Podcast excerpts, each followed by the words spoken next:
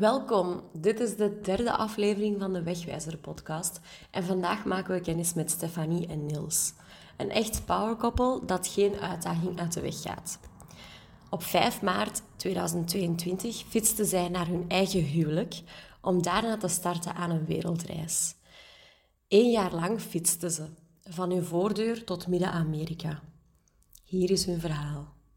We zijn dus letterlijk van onze eigen voordeur vertrokken. Dat was toen in februari in, uh, in Gent. En dan zijn we naar Limburg gefietst. We zijn daar dan getrouwd. Uh, en dan zijn we um, via Duitsland uh, naar Denemarken gefietst, naar Zweden en Noorwegen. en dan hebben we een boot genomen naar de Faroe-eilanden en IJsland. En dan kom je eigenlijk met de boot in, in het oosten van IJsland aan. En dan hebben we een, uh, ik ga zeggen, een poging ondernomen om helemaal tot, aan, uh, tot het westen in Reykjavik uh, te fietsen. Maar ergens daartussen is, is Niels zijn, zijn fiets kapot gegaan. Ja. dus we hebben ook nog een stukje gelift in IJsland. En dan in, ehm, in Reykjavik hadden we een vlucht naar Vancouver. Daar hebben we even gewacht totdat de fiets teruggemaakt mhm. was. ja. En dan uiteindelijk om zo'n beetje terug wat tijd in te halen, hebben we van Vancouver naar uh, Jasper een trein genomen. En vanuit Jasper in Canada zijn we dan eigenlijk zo helemaal naar het zuiden gefietst tot, uh, tot Mexico. Ja. Dat is een beetje... Tot in Mexico City. Hoeveel kilometer per dag deden jullie zo ongeveer? Um, ik denk dat dat gemiddeld tussen de 60 en 80 kilometer per dag ja. zit op de fietsdagen. We hebben uitschieters van 100 gehad, maar we hebben ook dagen van 20 kilometer ja, gehad. Ja, dus ja. Mhm. het is een beetje afhankelijk ook van enerzijds de ervaring, maar na verloop van tijd ook wel de ondergrond waar je op gaat fietsen. Ja. Mhm. Uh, gelijk in Mexico waren we op Baja heel blij als we een dag van 40, 50 kilometer ja. konden afleggen. Ja. Um, maar ik ben nu daar ook niet te fel aan vast, nee. zou ik zeggen. Want je merkt dat soms dat, dat fietsers zo... Zeker de echte lange afstandsfietsers, dat die, dat die zoiets hebben. Oké, okay, ik moet echt elke dag meer dan 100 kilometer fietsen om mijn doel te, be, te behalen of zo. Maar ja, wij, wij, wij waren rustiger door te zeggen van, weet je, we laten het los en we zien wel Mhm. waar dat we uitkomen. En je hoeft ook echt totaal geen 100 kilometer per dag eh, te fietsen. Als je Ja. voelt van, na, na 30, 40, 50 kilometer is het genoeg voor mij, dan is dat ook helemaal Mhm. prima, denk ik. Was voor jullie het meest uitdagende om te doen? Al dan niet met de fiets. ja, het- ik denk dat IJsland voor ons sowieso een heel groot keerpunt is geweest Ja. in de reis. Omdat we daar voor de eerste keer sinds dat we nu drie of vier jaar echt aan het fietsen zijn, ons voor de eerste keer ook onveilig voelden door de factor eh, ja, klimaat, het weer, wat eigenlijk heel, heel ruw was. Eh, het verkeer, ze zijn daar niet gewend om met fietsers om te gaan. Ja. En het was daar voor ons ook nog te vroeg om door het land te fietsen, omdat de gletsjers zo'n smelten waren, waren de, de river crossings voor ons eigenlijk veel te hoog. Waardoor dat wij... ehm, dan zo op de ringroad Ja. fietsen. Dus die gaat helemaal, die doet eigenlijk een heel rondje rond IJsland. En dat is, ja, dat is eigenlijk een tweevlaksbaan waar dat er geen Mhm. pechstrook is of zo. Dus op, als fietser fiets je gewoon op de weg. En eh, ja, de, vooral de, de locals durven daar vrij hard eh, Ja. rijden, dat mogen we wel zeggen, denk ik. En natuurlijk, er zijn, ja, er zijn heel veel toeristen ook op die weg. Ehm, en dan gewoon in de combinatie met, ja, met het weer, hè. De, de wind was daar echt... eh We gaan nooit... kende op- geen ja. genade. Ja, Om daar een idee bij te geven, we hebben daar stukken gehad waar dat we fiets per fiets vooruit moesten duwen. tegen de 50 wind. à 100 meter en dan gewoon tegen de wind in. Uh, Stefanie is daar letterlijk een keer met haar fiets en alles van de weg geblazen. En, dus het was echt, ik denk ook, het gaat niet altijd zo zijn. Ik denk dat we ook wel echt pech hebben gehad met, eh, met het moment dat we daar waren misschien. Maar voor ons was dat eigenlijk gewoon niet meer plezant. Dus dat was fysiek niet de moeilijkste route, om het zo te zeggen. Maar de combinatie van die wind en heel koud en de regen en elke avond je tentje opzetten, was, wel echt, eh, was wel echt pittig. Uh, maar de echt... Ik denk als je het gaan hebben over uitdagende routes die we gedaan hebben, puur qua fietsroutes, dan sowieso aan Mexico. Uh, Ja. In Baja California heb je een route lopen die heet Baja Divide. Die hebben we geprobeerd te volgen. Um, en die loopt eigenlijk, je hebt, uh, als je vanuit San Diego binnenkomt, heb je die peninsula daar liggen. En die loopt dan eigenlijk helemaal vanuit Tecate naar beneden tot La Paz. En dat is ongeveer een, ik moet liegen, dat gaat een 2000 à 2500 kilometer een onverharde route zijn. En dat was wel uh, heel pittig. Pittig. Ja. Maar wel heel we, hebben, we hebben ze niet Ja. helemaal gefietst Nee, hoor, dat ging- stukken. Dat ging gewoon. Eh, maar voor de uitdaging daar was vooral eh, ook water Mhm. vinden, denk ik. Omdat ja, je zit echt wel midden in de woestijn. Dus op sommige momenten moesten we ja, 24 liter water of zo zien mee te sleuren. Mhm. Ehm, maar ik denk dat dat inderdaad fysiek wel eh, Veruit de ja, de zwaarste. zwaarste route Ja. is geweest voor ons. En daartegenover dat dan IJsland dan meer mentaal Mhm. eh, heel zwaar was. Uiteindelijk, want we, we zeggen ook wel, we zijn een jaar op reis geweest met de fiets, maar uiteindelijk we hebben we ook niet alles gedaan met de fiets. We hebben, Mhm. we hebben een trein gepakt, we hebben een boot gepakt, we hebben gelift, Een eh, auto we hebben een keer een auto Ja. gehuurd.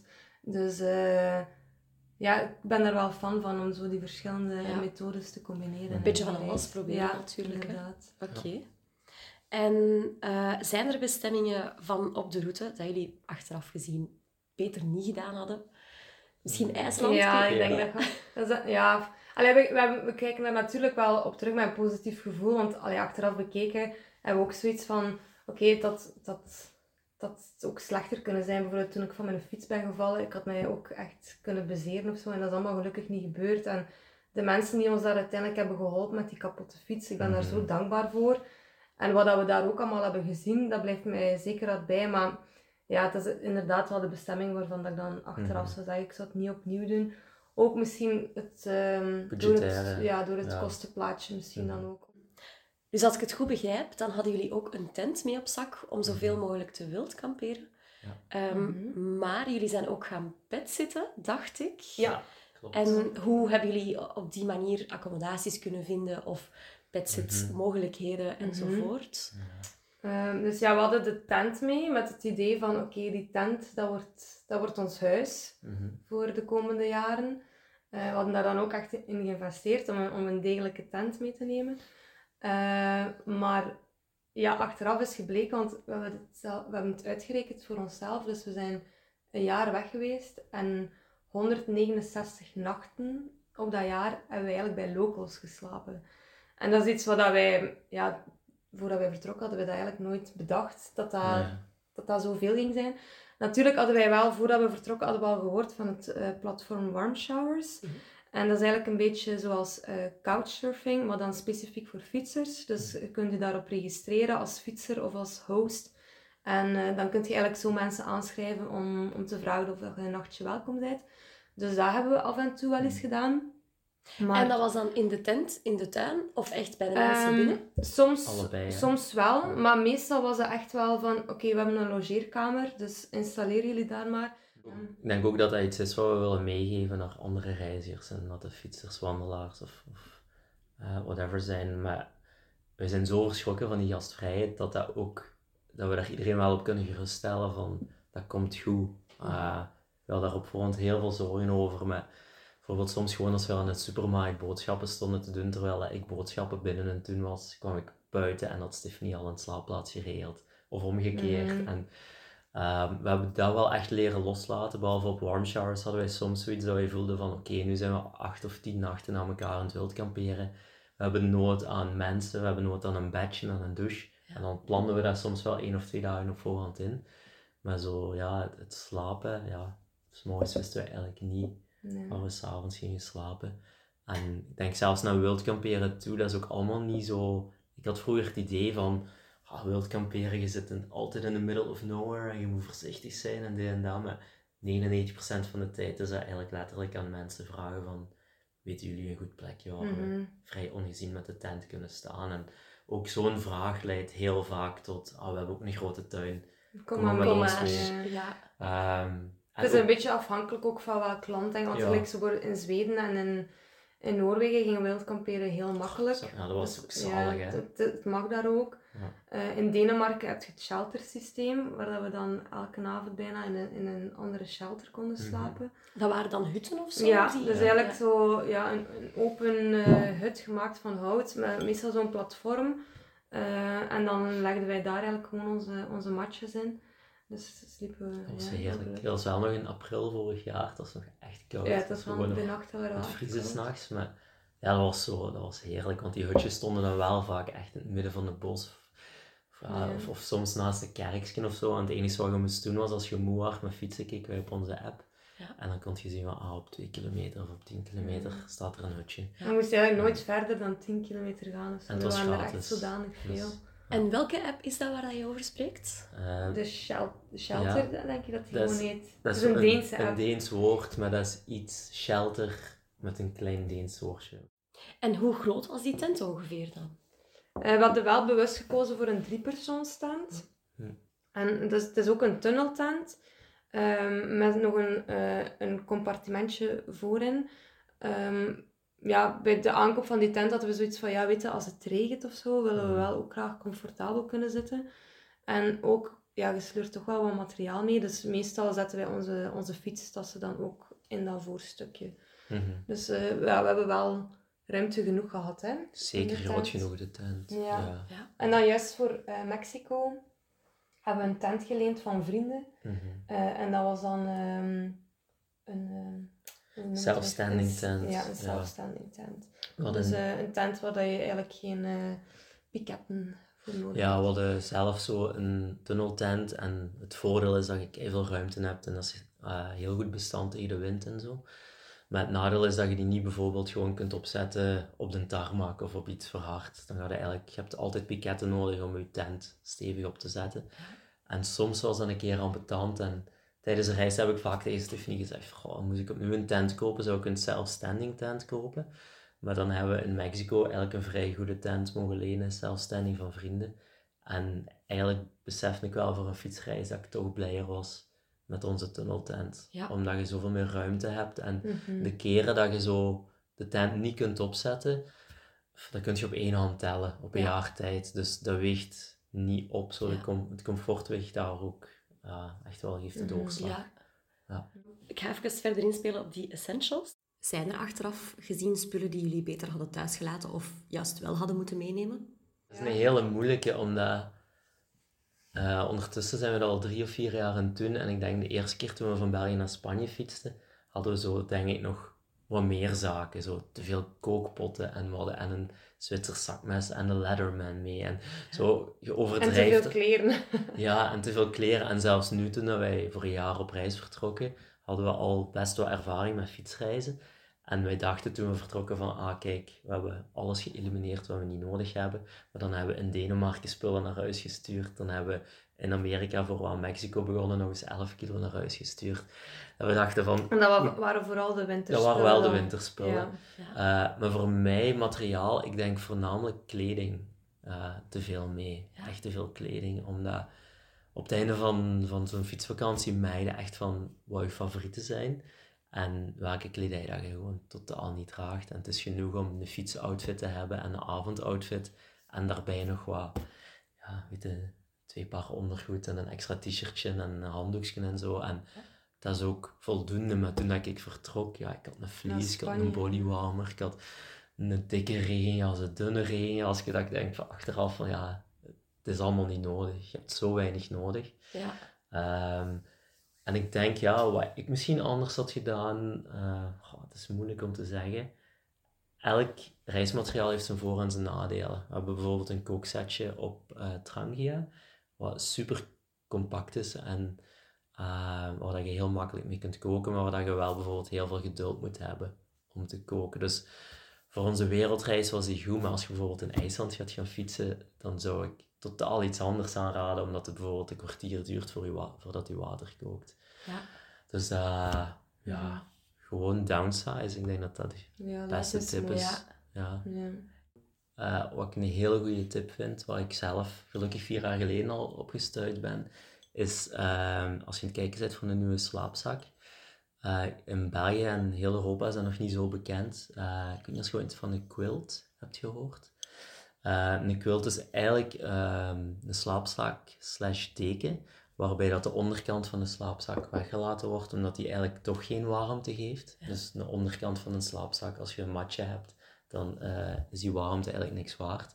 Eh, en een quilt kun je helemaal openritsen en ook als deken gebruiken. En ik had dan geïnvesteerd in een quilt, in een supergoeie.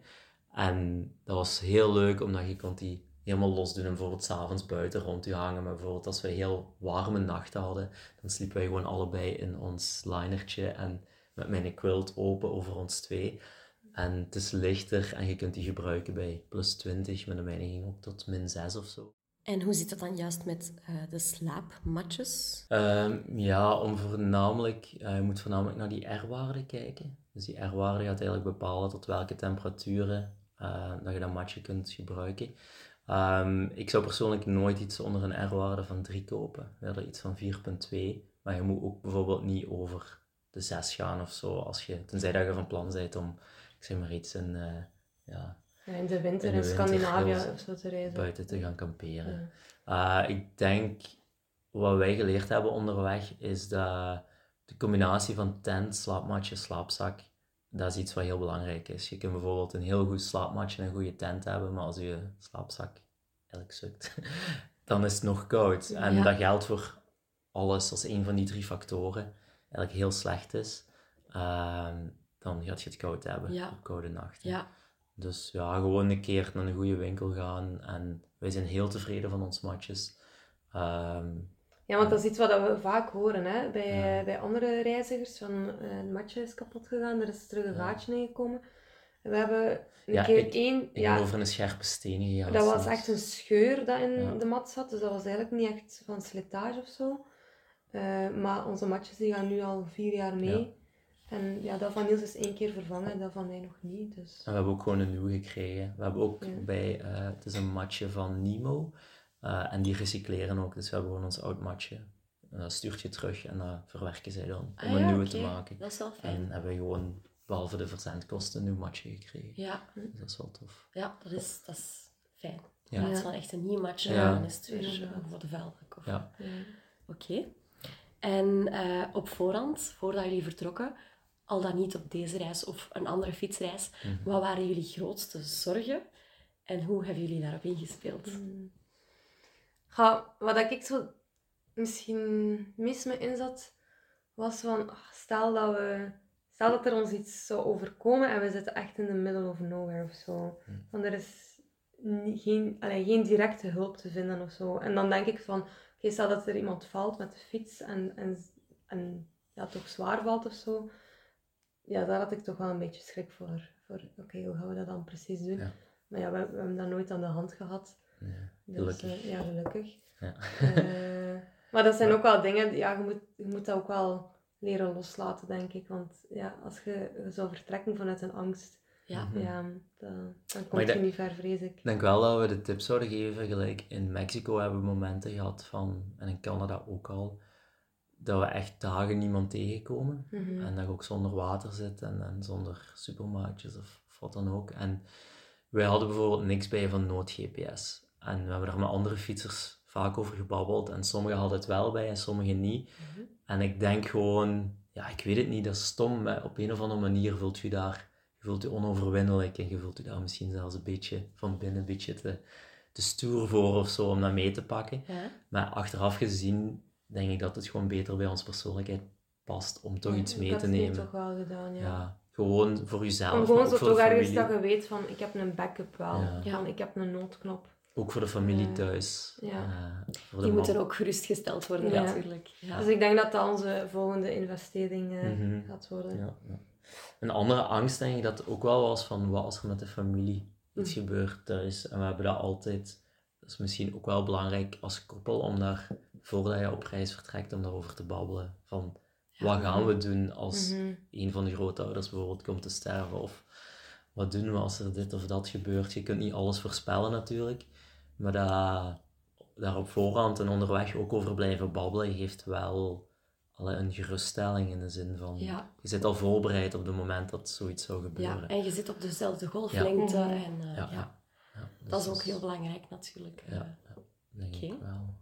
Dus, en voor de rest, ja, angsten. Wildlife. ja. wel enorm schrik voor op voorhand. Eh, dat is uiteindelijk ook allemaal wel meegevallen. Hè? Maar bij mij denk ik dat, dat als je het hebt over zo... eh, ja, wat is het? Zo angsten die zo heel plots kunnen gebeuren, is wildlife iets waar ik op voorhand echt... eh, ik had Ja. nachtmerries om beren tegen het lijf te lopen. Of ik had nachtmerries om, Ja. om met een bison oog in oog te staan. En dat is ook allebei gebeurd, maar dat is alle, je blaast dat zo op natuurlijk, die angst, dat het ook Ja. eigenlijk meer uniek is om zoiets mee te Ja. maken als angstig. En hoe reageer je dan op die moment als dat gebeurt? Dat je dan oog in oog staat met zo'n bison?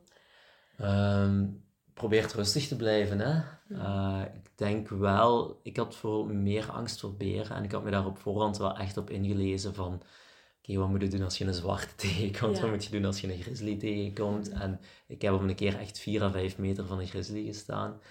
En door mij op voorhand daar wel op in te lezen, wist ik ook wel zo de signalen te herkennen dat die een beer eigenlijk heel op zijn gemak was. Dat ik daar was. Als ik dat niet op voorhand had ingelezen, had ik misschien beginnen lopen of beginnen doen. Ja, en, dan is het natuurlijk, dan wordt het gevaarlijk. Ja, ja. Allee, we hebben ook nooit onnodige risico's genomen, denk ik. Zo, Ook op, niet op het vlak van, van foto's nemen of zo. Uh, want we zeggen ook nu vaak van, ja, sorry, we hebben geen foto van een beer, maar we zitten hier wel dat we het nog kunnen ja. navertellen. We hebben ze wel gezien. Ja. Uh, maar ja, soms is het denk ik verstandiger om gewoon uh, uit, de voeten te, uit de voeten te maken dan, dan uw camera boven te houden. Maar goed, ik had dan eigenlijk meer, meer schrik bijvoorbeeld voor spinnen. Mm Of dat er zo spinnen of schorpioenen in ons tent zouden, zouden kruipen. Maar dat, ja, dat is niet gebeurd. Dus, Gelukkig. ja. Maar dat is ook uniek. Ik denk dat je dat ook wel op zo'n reis, uh, gelijk in landen als Canada en de US, je zit zo in die natuur dat je, ja, je leert op een heel andere manier appreciëren. En je leert ook wel, weet je, bijvoorbeeld toen we in Yellowstone waren, was ik op momenten gewoon ook echt opgejaagd van hoe druk het daar was en om te zien hoe andere mensen met wildlife omgingen, hoe onverantwoord en ik denk misschien dat wij zo vijf jaar geleden ook nog hadden gereageerd, hoe dat die mensen dat deden, maar als je dat zo op een veel ja, echtere manier een keer meemaakt, gaat je dat ook veel meer waarderen, denk ik. Ja, en je hebt het dan over uh, toeristen die dan dichtbij komen staan om ja, selfies te maken enzovoort, ja, of eten geven. Of, ja. of met de auto echt specifiek naartoe rijden om ze dan op te zoeken. Ja, ja, ja, zo wat opdagen misschien. Ja, ja. Dus, dat is jammer. Ja. Dat is echt heel jammer, inderdaad. Alright, en jullie hebben al gefietst naar Spanje bijvoorbeeld, mhm. Mhm. Ehm, maar ook bijvoorbeeld toen of nu dat je zegt we gaan een jaar fietsen, hoe hebben jullie daarop getraind of op voorbereid, ook op fysiek vlak? Mhm. Dat was in, in het begin iets waar ik mij eigenlijk ook wel een, ja, een beetje zorgen over maakte, want toen dat Niels ooit met het idee afkwam van gaan we, gaan we niet op reis met de fiets? Dat ik zoiets had van, ja, dat is toch alleen maar iets voor atleten of zo. Of, of je moet al kunnen fietsen of je moet dat graag doen. Uh, maar dat, dat hoeft eigenlijk totaal niet. En we hebben nu, ja, dankzij COVID, hebben we ons misschien wel wat meer kunnen voorbereiden. Maar ja, toen, we, we hebben toen de fiets gekocht in 2019.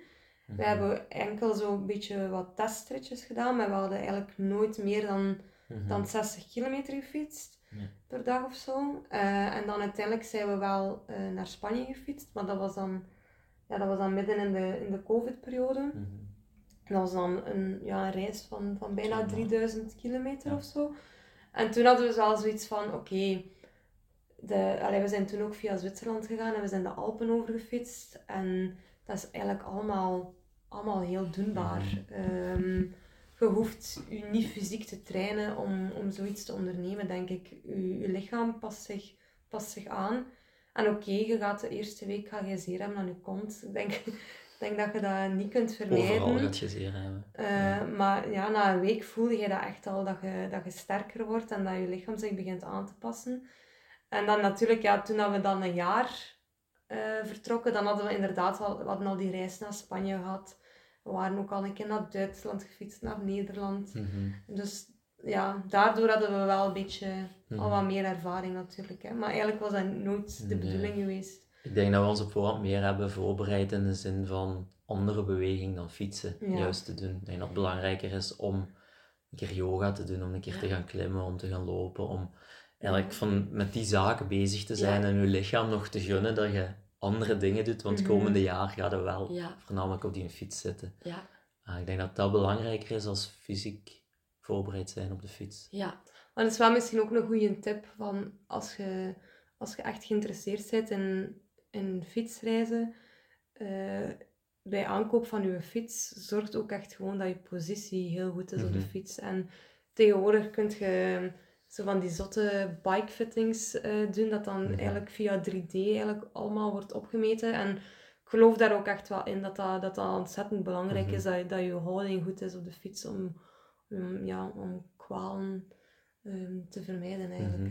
Ja. wel. Ja. En laat dat na verloop van tijd ook nog eens doen misschien, omdat je houding verandert gaandeweg dat je meer en meer gaat fietsen. Ja. Mm. En ook bijvoorbeeld in Mexico en Amerika zijn we veel meer offroad beginnen fietsen, dus je positie op de fiets. En het is allemaal niet zo, ja, als je zo zes tot acht uur per dag in het zadel zit, het is, het is niet allemaal zo, ja, Ja. zwart-wit, om het zo te Mhm, zeggen. Ja. Mhm. Dus, maar dat is een belangrijke, ja. En zorg ook voor, voor andere beweging Mhm. tijdens je fietsreis ook. Neem, neem voldoende pauze en ga ook af en toe eens gaan wandelen. Doe yoga tussendoor. Ehm, ja, ik ben er ook wel echt van overtuigd dat dat alleen maar kan helpen. Ja. Oké. Eh, en dan over de fiets zelf. Hoe hebben jullie die uitgekozen en zijn jullie daar achteraf gezien ook tevreden van? Ik vond dat heel tof, want ik kende daar eigenlijk helemaal niks van. Maar ik vond dat heel tof om daar naar op zoek te gaan. En Ja. ik had al vrij snel een paar merken en modellen zelfs die ik in mijn kop had. Maar we zijn dan op eh, de tweedehandsmarkt beginnen kijken. En in België is zo de tweedehands touringmarkt niet echt heel bestaande, nog niet. Eh, In Nederland waren er heel veel fietsen eigenlijk die Ja. tweedehands vonden. maar we zijn zo klein. Ja, wij vonden nooit onze maat. Die Nederlanders zijn zo groot. Ja. Die fietsen waren allemaal te groot. We hebben daar echt een paar maanden ons op blind gestaard en er, kwam, er kwam niks uit. Ehm, en dan daar heb ik na verloop van tijd met een eh, fietswinkel in Brugge contact opgezocht en eigenlijk gewoon de wens op papier gezet. En die heeft ons dan twee of drie fietsen aangeraden. En van daaruit zijn we dan beginnen kijken. Ehm, we hebben gekozen, dat gaat veel mensen misschien niks zeggen, maar voor een Surly Bridge Club. Wat er eigenlijk op neerkomt, dat is ehm, een soort model wat gemaakt is om van alle markten thuis te zijn. Dus je kunt ermee gaan mountainbiken, je kunt ermee gaan toeren, je kunt daar zotte dingen mee doen, je kunt die voorvork veranderen, zodat je kunt gaan downhill, je kunt er echt Ja. een beetje van alles mee doen.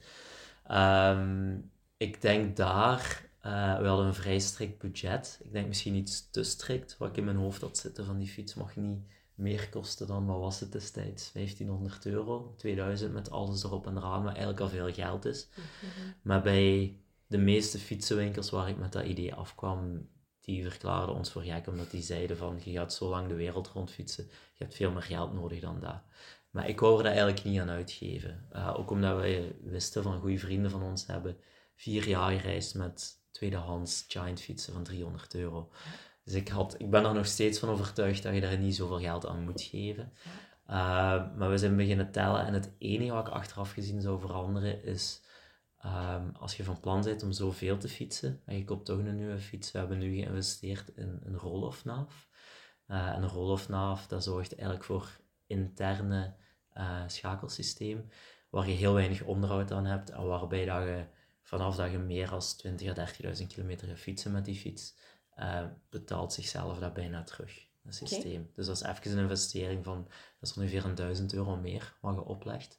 Maar ja, het is, ja, het is een luxe, maar het is wel echt zalig. En ik zou dat wel voor een weekendtripje of een week vakantie moeten dat niet gaan doen. Ja. Maar als je van plan bent om een jaar te gaan fietsen en daarna nog te veel te fietsen, Ja. dan uh, vind ik dat wel de investering waard. Ja. ja. ja. Dus dat zou ik doen. Maar ik denk naar fiets zelf toe. Uh, ik zou nooit aanraden om iemand zich te laten beperken door puur een touringfiets te kiezen. Omdat je dan altijd wel wat afhankelijk gaat zijn om op die fietspaden te moeten blijven fietsen. Ja. En wij zijn nu in Centraal-Amerika geweest eigenlijk. En gelijk in Mexico of zo ook. Dan zie je gewoon van de fietspaden hier in België, Europa zijn goed. Maar het is niet overal zo. En uh, nee. Nee. ik ben wel blij met ons fietsen. Ja. Ik zou ze opnieuw kopen. Ja, ja. oké. Okay. En uh, qua bagage, fiets, zakken enzovoort, Mm -hmm. hoe hebben jullie dat aangepakt? Mm. Uh, wij zijn eigenlijk in het begin, gingen wij zo, waren wij meer aan het neigen naar zo echt zo'n klassieke setup. setup ja. Dus zo twee tassen van voor, twee tassen van achter. Um, ik heb bijvoorbeeld ja, nog tweedehands uh, tassen, die van Niels. Die, die vind je toen, overal, tweedehands die tassen. Ja, die vind je echt. En ik denk dat die van mij misschien al misschien tien jaar oud zijn. Mm -hmm. En die zijn nog altijd, dat, die zijn zo kwalitatief. Dat is echt, uh, mm -hmm. dat is echt degelijk materiaal. Uh, maar na een tijd hebben we wel zoiets gemerkt van, ah, we vinden het eigenlijk wel heel leuk om, om meer offroad te fietsen in plaats van echt op de, op de weg. En dan hebben we wel een beetje onze setup veranderd naar mm -hmm. uh, bijvoorbeeld zo'n frame tas dat tussen het frame van je fiets hangt. ehm, Mhm. eh, of een, meer zo een, eh, een stuurtas. Om het allemaal een beetje... Ja, als je dan met een gewone klassieke setup en je gaat dan off-road, had ik altijd het gevoel van dat dat heel erg Die hobbelt. tassen en vliegen langs, die ja. blijven hangen, ze, maar die vliegen langs alle kanten en Ja. dat, dat maakt lawaai. maar en veel dat- lawaai, ja. Ja. En zo, ja, zo echt zo bikepacking tassen, die Mhm. zijn daar daar toch wel meer op voorzien om, eh, Mhm. om meer van het gebaande pad te gaan, denk ik. Ik vind het, voor, het voordeel, we hebben nu echt een setup zo tussen touring en bikepacking ja, in, vind ik. beetje tussen de twee en dat, Ehm, dat vinden we wel leuk, oké ja. nu. Ja. Ik denk het voordeel van een bikepacking setup is dat tijdens het fietsen zelf echt wel een verschil maakt, omdat je gewicht veel meer centraal Mhm. gestroomlijnd is. Maar ja, het nadeel is, ik vind het wel veel minder praktisch voor je materiaal mee te pakken. En, Ja, eh, maar ik kan me te voorstellen tussen de frame dat dat dan zo wat smal is. Dat je dan echt gaat Mhm. moeten puzzelen om Ja, alles ertussen te krijgen. Ja. Ja. er zakken we vaak de zware inderdaad- dingen in, gelijk Ja. het eten en zo in de Ah, ja. frame-tas. dat, Ja. eh, We, we moeten ook proberen dat links en rechts, dat dat gelijk zit natuurlijk van gewicht. dat je zo... Soms hadden we dan, als, we, als eten begon op te geraken of zo, dat we voelden van oké, we moeten eigenlijk ook onze, onze fietstassen terug met eten gaan volsteken. Omdat je zo merkte van ja, mijn gewicht zit niet meer zo goed verdeeld Ja. of zo. Eh, en dat, dat is eigenlijk altijd al een zoektocht geweest. Hè. dat is nog altijd Soms een ook zo, als je dan in, in een ander land, in een ander seizoen aan het fietsen waart, dan is dat ook zo, ja, die winterspullen moeten nu terug wat dichter bij de hand en die zomerspullen mogen wat dieper weggestoken worden in de fietstas. En ja, je zit daar eigenlijk ja, Continu toch, mee bezig. toch wel een beetje met te zoeken. Maar Kijk, ik, ben, ik heb denk ik iets meer structuur en ik probeer ja. alles op dezelfde plaats te houden. voor, voor Niels was dat soms wat moeilijker. Ik stik alles gewoon nog altijd overal en Ja. ik zie wel waar ik het uithaal, maar dat zorgt ook voor verloren spullen Mm. soms. En zijn er zo nog dingen die jullie willen meedelen over het materiaal? Ja, ik denk misschien een beetje gewoon naar duurzaamheid gericht. Kijk een keer in je omgeving. Kijk een keer als Ja. iemand fietstassen heeft liggen die dat hij niet meer gebruikt. Of kledij, of een, een fietshelm, of ja, Ja. zo van die dingen. Ik denk dat We dat het hebben ook zo is. in het begin echt zo wel wat dingen samengesprokkeld. Ja. Zeker als je bijvoorbeeld in het begin niet weet van, is dat wel echt iets voor mij of zo, zo'n fietsreis. Mhm. Test eerst wat uit. Vraag een keer bijvoorbeeld aan een fietswinkel, tegenwoordig doen ze dat ook wel, om, echt een fiets uit te testen. Eh, ik weet, gelijk bij AS Adventure kun je ook heel veel outdoor materiaal Mhm. gaan lenen. Ja. Om, ja, sommige mensen hebben bijvoorbeeld nog nooit gekampeerd, dus Ja. ja, je, Mhm. weet niet van... Koop geen tent van 1000 euro als je nog nooit zit. Ja. kamperen. Ja. Dus leen Ik denk dat veel wel. mensen die fout maken. Denk het ook. Ja, Ja. want Ja. het is natuurlijk wel... Ja, eens dat je zegt van oké, ik wil er echt voor gaan. Ja, het is, wel, het is wel een investering natuurlijk. Maar we hebben dat ook wel echt gezien van oké, het is een investering op lange termijn. En. Mhm. we hebben ook echt... We hebben niet impuls aankopen of zo gedaan. We hebben echt alles goed gekeken en vergeleken online. En Ja. eh, zodanig dat we toch echt met het meest kwalitatieve materiaal, denk Ja. ik. En het hoeft daarom ook niet altijd duur te zijn. Bijvoorbeeld in Decathlon kun je bijvoorbeeld ook een, een donsjas kopen voor 30 euro. En die gaat ook zijn werk doen. Mhm. Maar ik denk zo de belangrijke zaken, gelijk zo'n tent, slaapzak, matje. Regenjas. Ja, het is Mhm. beter dat je daarin investeert dan dat je iets aankoopt en dan merkt, ah ja, na twee maanden is dat kapot en dan moet ik weer iets nieuws kopen. Ja. Mhm. Dus we hebben bijvoorbeeld Dan ben je uiteindelijk ook nog meer geld Ja, het is dat. Ja. En ja, koopt ook iets waarvan dat je weet van, oké, wordt ook qua een t-shirt of zo. Koopt iets waarvan dat je weet van, ik ga dat echt veel aandoen. Dan, Mhm. dan dat je iets koopt waarvan je denkt, van, ja, ik ga dat één keer aandoen misschien. Mhm. Maar we hebben op onze, op onze website hebben we wel een paklijst staan. Ik denk dat qua materiaal en zo, dat echt 90% op een website terug te vinden Ja. is. Maar ik denk, ja, veel vragen krijgen ook... We merken dat mensen de vragen stellen om zo precies een extra geruststelling te krijgen. Van, Dat kan ik begrijpen. ben ik goed bezig? Of hoe doet Ja. je dit? Of Mhm. hoe doe je dat? En dat is, een- dat is ook leuk om die mensen een antwoord te Ja. geven. Ja. En wat is zo de gekste vraag die dat je al gekregen hebt? Oh. De gekste. Een Eh, paar weken geleden hadden we een bericht gekregen op Instagram. We hadden een foto gepost van toen we nog in Mexico waren. En ik denk dat een van die laatste foto's was dat... Ik weet het niet wat het was, maar ik denk dat je een pintje bier tussen je voeten hebt staan of zoiets. Nee, we hadden, we hadden inderdaad een foto van op het strand. ehm hadden erbij gezegd van, hoe kun je een, eh, een, een fietser herkennen op het Ja, strand? en dan, Ja. eh, ja, check de tan lines. En omdat mijn sandalen Ah, keihard ja. in, mijn, in mijn voeten waren gebruind, En daar, daar is een bericht op gekomen van iemand met een voet uh, Voetenfetish, ja. Dan zou je elke, Ah, nee. elke week 1000 dollar kunnen verdienen. Ja. Bedankt van jij dat hij ons Ja. elke week 1000 dollar wil Het budget voor... voor eh, de volgende reis is al geregeld. Het is geregeld, ja. Ik had even getwijfeld, want ik dacht, ja, dat is toch wel makkelijk verdiend, maar we gaan het toch maar niet Het doen. berichtje is ook verwijderd. Ja, Ja. toch geblokt. En waren er dan naast Instagram nog andere platformen of manieren om in contact te komen met reizigers? Bijvoorbeeld eh ja, Wegwijzer zijn we, zijn we lid van. Mhm. Eh, wat bijvoorbeeld eh, handig is geweest om... eh, we hebben bijvoorbeeld, toen dat we zijn teruggekomen van Spanje, toen dat we bijvoorbeeld op zoek waren naar, eh, naar een woning, eh we tussen de zoiets gevonden, zoekertjes ja. ook een keer iets gevonden op Wegwijzer, wat dat ook super handig is. Mhm. Ja. Eh, dan andere platformen. Ja, warm showers. Warm showers natuurlijk. En ik denk ook wel, als je gaat kijken bijvoorbeeld, afhankelijk van de fietsroutes die je gaat doen, bijvoorbeeld, je hebt de mountainbike route eh, in Canada en de USA, je hebt die in Mexico, en voor die specifieke routes bestaan er ook Facebookgroepen. Ja. Ja. En dat is ook wel heel handig gebleken, om je dan van die specifieke routes lid te maken. En dan kun je eigenlijk heel, ja, heel up-to-date blijven van de recente Ja. zaken die gaande zijn. Dus Mhm. dat is ook wel een goede tip, denk ik, om, om mee te geven als je zoiets aan het volgen bent. Ja, Ja. daar kan ik eh, helemaal in komen, inderdaad. Hebben jullie ooit ehm, Welcome to My Garden gebruikt? Ja. Yes. Ja. Ja. Ook in het buitenland? Eh, in in Nederland Frankrijk, ooit? Nederland? Kan dat? Ja, maar dat Zeker is- in België. Ja, Ja. We- Ja, ik vind het een super platform. Ja. Dat is ook zoiets wat dat wij nu ook bijvoorbeeld aan onze, aan onze vrienden en familie zo'n beetje proberen mee te geven. Van ja, kijk, wij zijn overal zo gastvrij ontvangen. Van, maakt u ook lid van zo'n platform of Mhm. bijvoorbeeld van warm showers en zo. Ehm, ja, Welcome to My Garden vind ik echt een dat is max. heel mooi, hè. Ja. Ja.